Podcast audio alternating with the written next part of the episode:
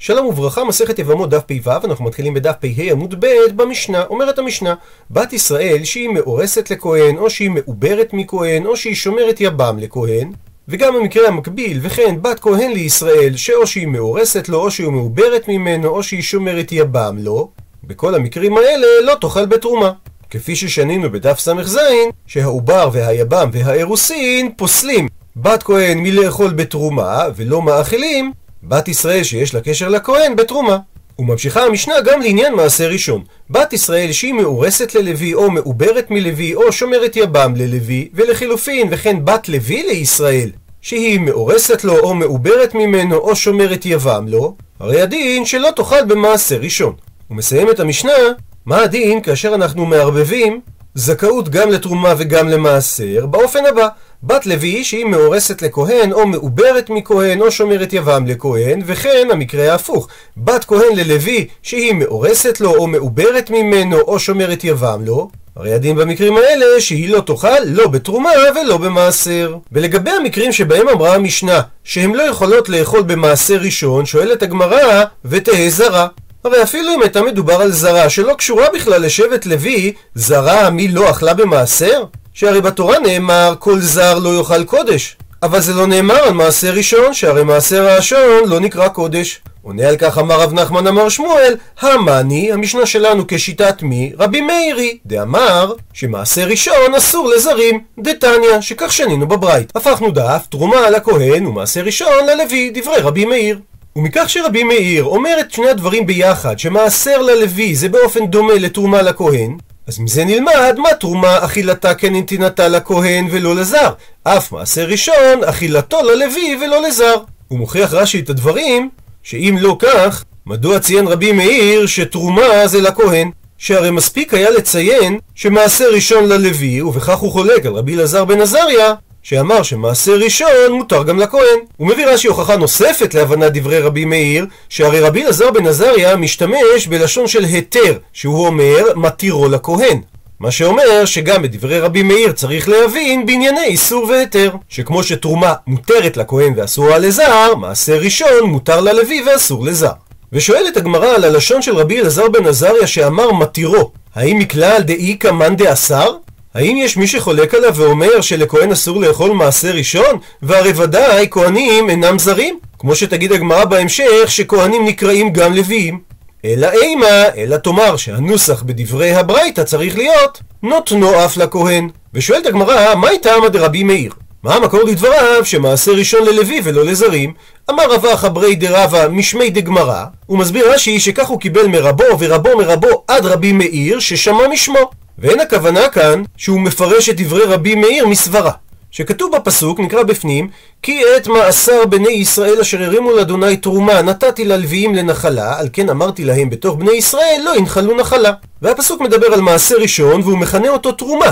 אז מה תרומה אסורה לזרים? אף מעשה ראשון אסור לזרים. ומקשה על כך הגמרא, שאם נלך עם ההשוואה הזאת עד הסוף, אז אם התרומה חייבים עליו מיתה וחומש, שאם זר אכל תרומה במזיד הוא חייב מיתה בידי שמיים, ואם הוא אכל את התרומה בשוגג, אז הוא צריך לשלם את הערך של מה שהוא אכל בתוספת חומש. וערך החומש תלוי במחלוקת תנאים, שיש דעה שאומרת שערך החומש זה 25%, זה מה שנקרא חומש מלבר, כך שתוספת החומש מהווה חמישית מהסכום הכולל. וכך גם מקובל להלכה, ויש מי שאומר שערך החומש זה 20%, זה מה שנקרא החומש מלגב, כך שערך החומש הוא חמישית מהסכום המקורי. אז האם נאמר שאף במעשה ראשון חייבים עליו מיתה וחומש? אמר קרא, בפסוקים שמדברים על העונש של זר שאוכל תרומה, ושמרו את משמרתי ולא יישאו עליו חטא ומתו בו כי יחללוהו אני אדוני מקדשם, ופסוק נוסף ואיש כי יאכל קודש בשגגה ויסף חמישיתו עליו ונתן לכהן את הקודש. אז לגבי דין מיתה נאמר את המילה בו והיא באה למעט בו ולא במעשר, ולגבי תוספת החודש נאמר עליו שזה בא למעט עליו ולא על מעשר. שואלת הגמרא, ורבנן שחולקים על רבי מאיר ואומרים שמעשר ראשון מותר באכילה לכל אדם, מה הם יאמרו מההיקש בין המילה מעשר למילה תרומה?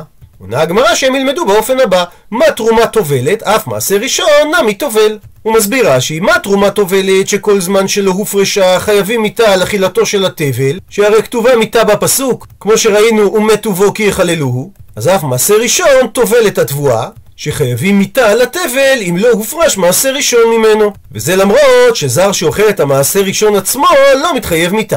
וכדתניא, וכך שנינו בברייתא, רבי יוסי אומר, יכול לא יהא חייב אלא על תבל שלא הורם ממנו כל עיקר. דהיינו שחיוב המיתה על תבל זה רק אם לא הופרשו ממנו לא תרומות ולא מעשרות. אבל אולי במקרה שהורם ממנו תרומה גדולה ולא הורם ממנו מעשר ראשון, או שהורם ממנו מעשר ראשון ולא הורם ממנו מעשר שני. וזה בשנים א', ב', ד' וה' מתוך מחזור השמיטה, או אולי ואפילו אם לא הורם ממנו מעשר עני. שאותו צריכים לתת בשנים ג' וו' ממחזור שנות השמיטה, והלשון של אפילו מעשר עני, זה בגלל שמעשר עני הוא קל כמו צדקה בעלמא, ואין בו שום צעד קדושה, מניין שגם בכל האופנים האלה אומר רבי יוסי, שחייבים בשום אכילת תבל, תלמוד לומר, נקרא בפנים, לא תוכל לאכול בשעריך, מעשר דגנך ותירושך ויצריך, בכורות בקרך וצונך, וכל נדריך אשר תדור, ונדבותיך ותרומת ידיך.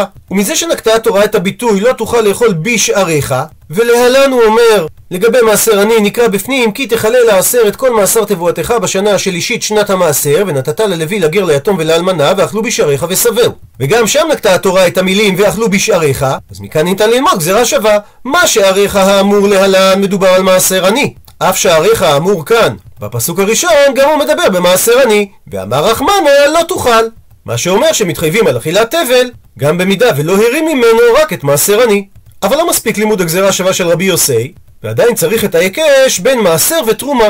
כי, ואם מהתם, אם הייתי רק לומד מהגזירה שווה של רבי יוסי, הווה אמינא, אז הייתי חושב שנלמד מהגזירה שווה, שהיא רק מלמדת אותנו ללאו.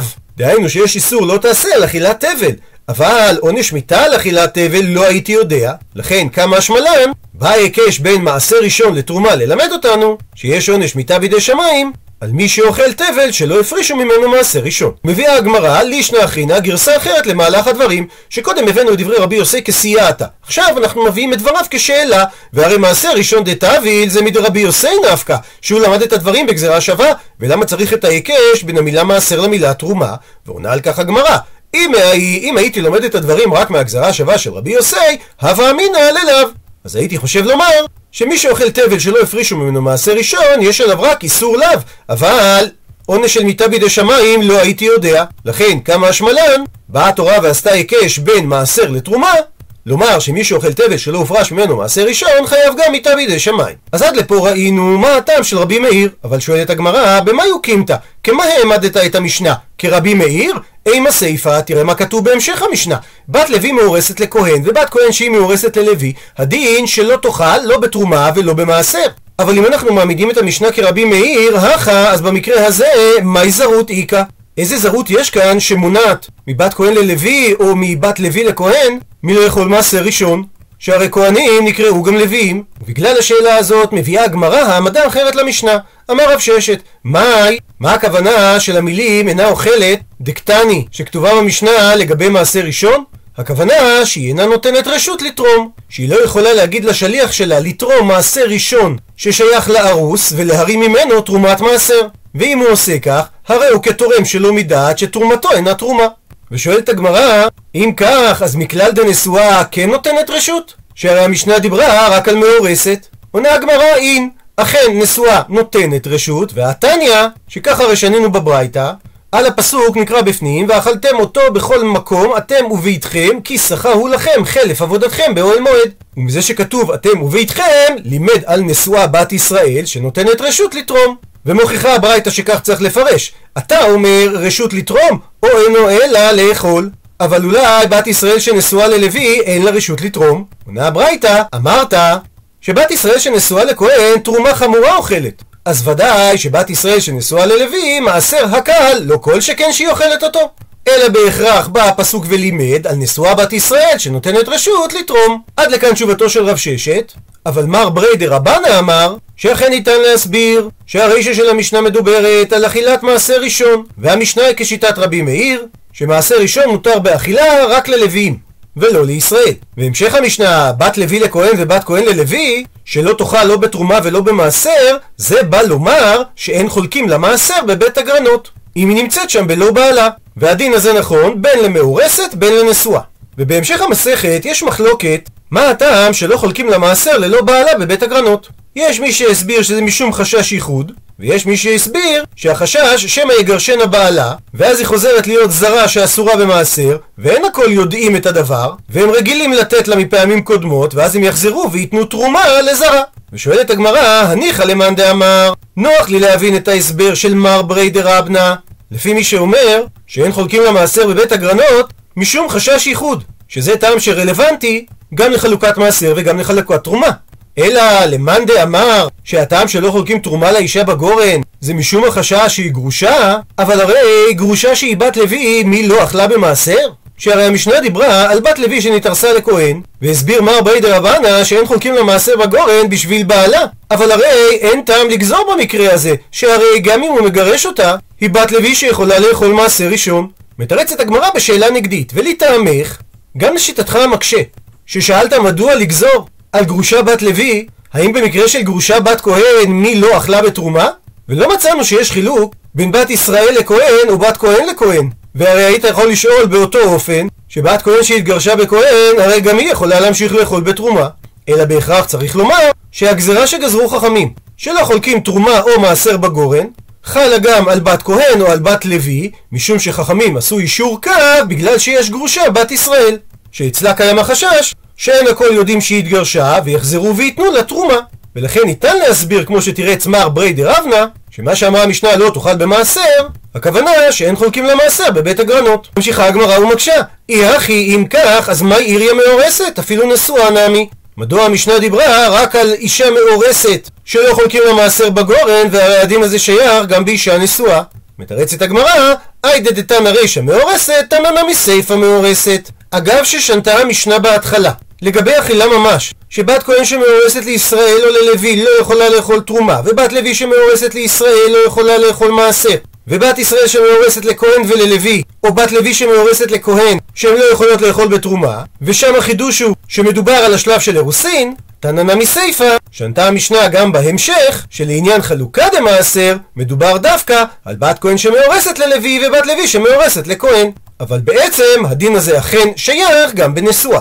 ובאותו עניין תנו רבנן שנו רבותינו בברייתא תרומה לכהן ומעשה ראשון ללוי דברי רבי עקיבא רבי אלעזר בן עזריה אומר הפכנו דף שמעשה ראשון ניתן לכהן ומקשה הגמרא האם רבי אלעזר בן עזריה התכוון שמעשה ראשון ניתן לכהן ולא ללוי? והרי ודאי הפסוק על מעשה ראשון דיבר על לוויים עונה הגמרא אימה, תאמר שרבי אלעזר בן עזריה התכוון שזה ניתן אף לכהן. ובזה הוא חלק על רבי עקיבא שאמר שמעשה ראשון ניתן רק ללוויים ולא לכהנים. ושואלת הגמרא, מהי טעמא דרבי עקיבא? עונה הגמרא, דכתיב שכתוב נקרא בפנים, ואל הלוויים תדבר ואמרת עליהם, כי תיקחו מאת בני ישראל את המעשר אשר נתתי לכם מאיתם בנחלתכם, והרמותם ממנו תרומת אדוני, מעשר מן המעשר. ומכאן המקור לדברי רבי עקיבא שהרי בלווים כמשטר יקרא. הפסוק פונה אל הלווים. שואלת הגמרא, ואידך, איך רבי אלעזר בן עזריה הסביר את זה? עונה הגמרא כדרבי יהושע בן לוי, דאמר רבי יהושע בן לוי. ב-24 מקומות נקראו הכהנים בשם לוויים, וזה אחד מהם, שכתוב ביחזקאל נקרא בפנים, והכהנים הלוויים בני צדוק, אשר שמרו את משמרת מקדשי, ביטאות בני ישראל מעלי, המה יקרבו אליי לשרתני, ועמדו לפניי להקריב לי חלב ודם, נאום אדוני אלוהים. והנביא נוקט בלשון, והכהנים הלוויים בני צדוק, וצדוק היה כהן, ובכל זאת בניו מכונים לוויים. אז באותו אופן, גם כשהתורה אומרת ואל הלוויים לגבי מעשה ראשון, היא בעצם מתכוונת גם לכהנים. וממילא נשאלת השאלה, ורבי עקיבא, מדוע אינו מסביר כך? יענה לך על כך רבי עקיבא, הכה לא מצית אמרת. כאן בפסוק שמדבר על מעשה ראשון, לא ניתן להסביר שמדובר גם על הכהנים. דכתיב שהרי כתוב שם בפסוק, ואכלתם אותו בכל מקום, מה שאומר שזה מיועד למי שיכול לאוכלו בכל מקום, וממילא יצא הכהן שאין יכול לאוכלו בבית הקברות, כך שבהכרח לא מדובר פה על כהנים. וממילא נשאלת השאלה, ואידך ורבי אלעזר בן עזריה, כיצד הוא יסביר את ואכלתם אותו בכל מקום? עונה הגמרא שרבי אלעזר בן עזריה יאמר, כל איכא דבאי דלא באי חומה, ואי אכילה בטומאת הגוף לא להקי. שהמילים ואכלתם אותו בכל מקום באות ללמד שכל אחד שרוצה לאכול אותו מותר אפילו ללא חומה, דהיינו מחוץ לירושלים, וגם לא צריך לאכול אותו דווקא בטהרה, כך שאם הוא רוצה לאכול אותו בטומאת הגוף, הוא לא לוקה. הוא מספר את הגמרא, ההיא גינתא, אותה גינת ירק, דהווה שקר רבי אלעזר בן עזריה, מעשה ראשון מינה. שרבי אלעזר בן עזריה, שהיה כהן, היה הולך ולוקח משם מעשה ראשון. שהרי לשיטתו, ניתן לתת מעשה ראשון גם לכהן. אז על רבי עקיבא, הלך רבי עקיבא, שלשיטתו מעשה ראשון אסור לתת לכהן, אלא רק ללוי, אהדרי לפיתחה, והזיז את הפתח של אותה גינת הערק לבי קברי, לבית הקברות שגבל באותה גינה, כך שרבי אלעזר בן עזריה לא יכל להיכנס לתוכה. אמר רבי אלעזר בן עזריה, עקיבא בתרמלו ואנה חיי. ועל המשפט הזה נביא שני פירושים. הבן יהוידע, הלא הוא הרב יוסף חיים מבגדד, כותב, ונראה לי בסייעתא דשמיא, שוודאי לא כיוון לזלזל בכבודו של אותו צדיק, אלא דרך בדיחות דיבר. כלומר, רבי עקיבא עודנו פיקח גדול במילי דעלמא, כמו הזמן שהיה תרמילו בידו. שגם עתה דבר חוכמה עשה, שהסב הפתח לצד אחר. והמהרש"א, לא רבי שמואל אליעזר הלוי איידלס, מפרש את המשפט הזה לפי הגמרא בהמשך, שמסבירה שהטילו קנס על הלוויים ולקחו מהם את הזכות לקבל את המעשר הראשון, ואומר רבי אלעזר בן עזריה, שרבי עקיבא בתרמילו, זאת אומרת, תרמיל זה כלי של עני, ורבי עקיבא סובר שכנסו את הלוויים ונתנו את המעשר הראשון לעניים. אבל אני, רבי אלעזר בן עזריה, שאני בייחוס עשירי לעזרה, ידעתי בקבלה מאבותיי, שכנסו את הלוויים שהמעשר הראשון מחלקים אותו לכהנים, שהרי מדין תורה ניתן לתת מעשר ראשון גם לכהנים. מביאה הגמרא פתיחה למחלוקת המוראים, איתמר, מפני מה כנסו לוויים במעשר, והכנס הזה מוזכר במספר מקומות בש"ס, שעזרא כנס את הלוויים, שכשהם יבואו לחלוק בבית הגרנות מעשר ראשון, יבואו עמהם גם כהנים. ולכן כתוב במסכת סוטה, שיוחנן כהן גדול הפסיק את הנוסח בווידוי מעשרות, שעד אז היו אומרים מה שכתוב בתורה, וגם נתתיו ללוי. ואמר יוחנן כהן גדול, מפני שאין מפרישים אותו כתקנן, שהרי התורה אמרה לתת את זה ללוויים, ואנחנו נותנים לכהנים,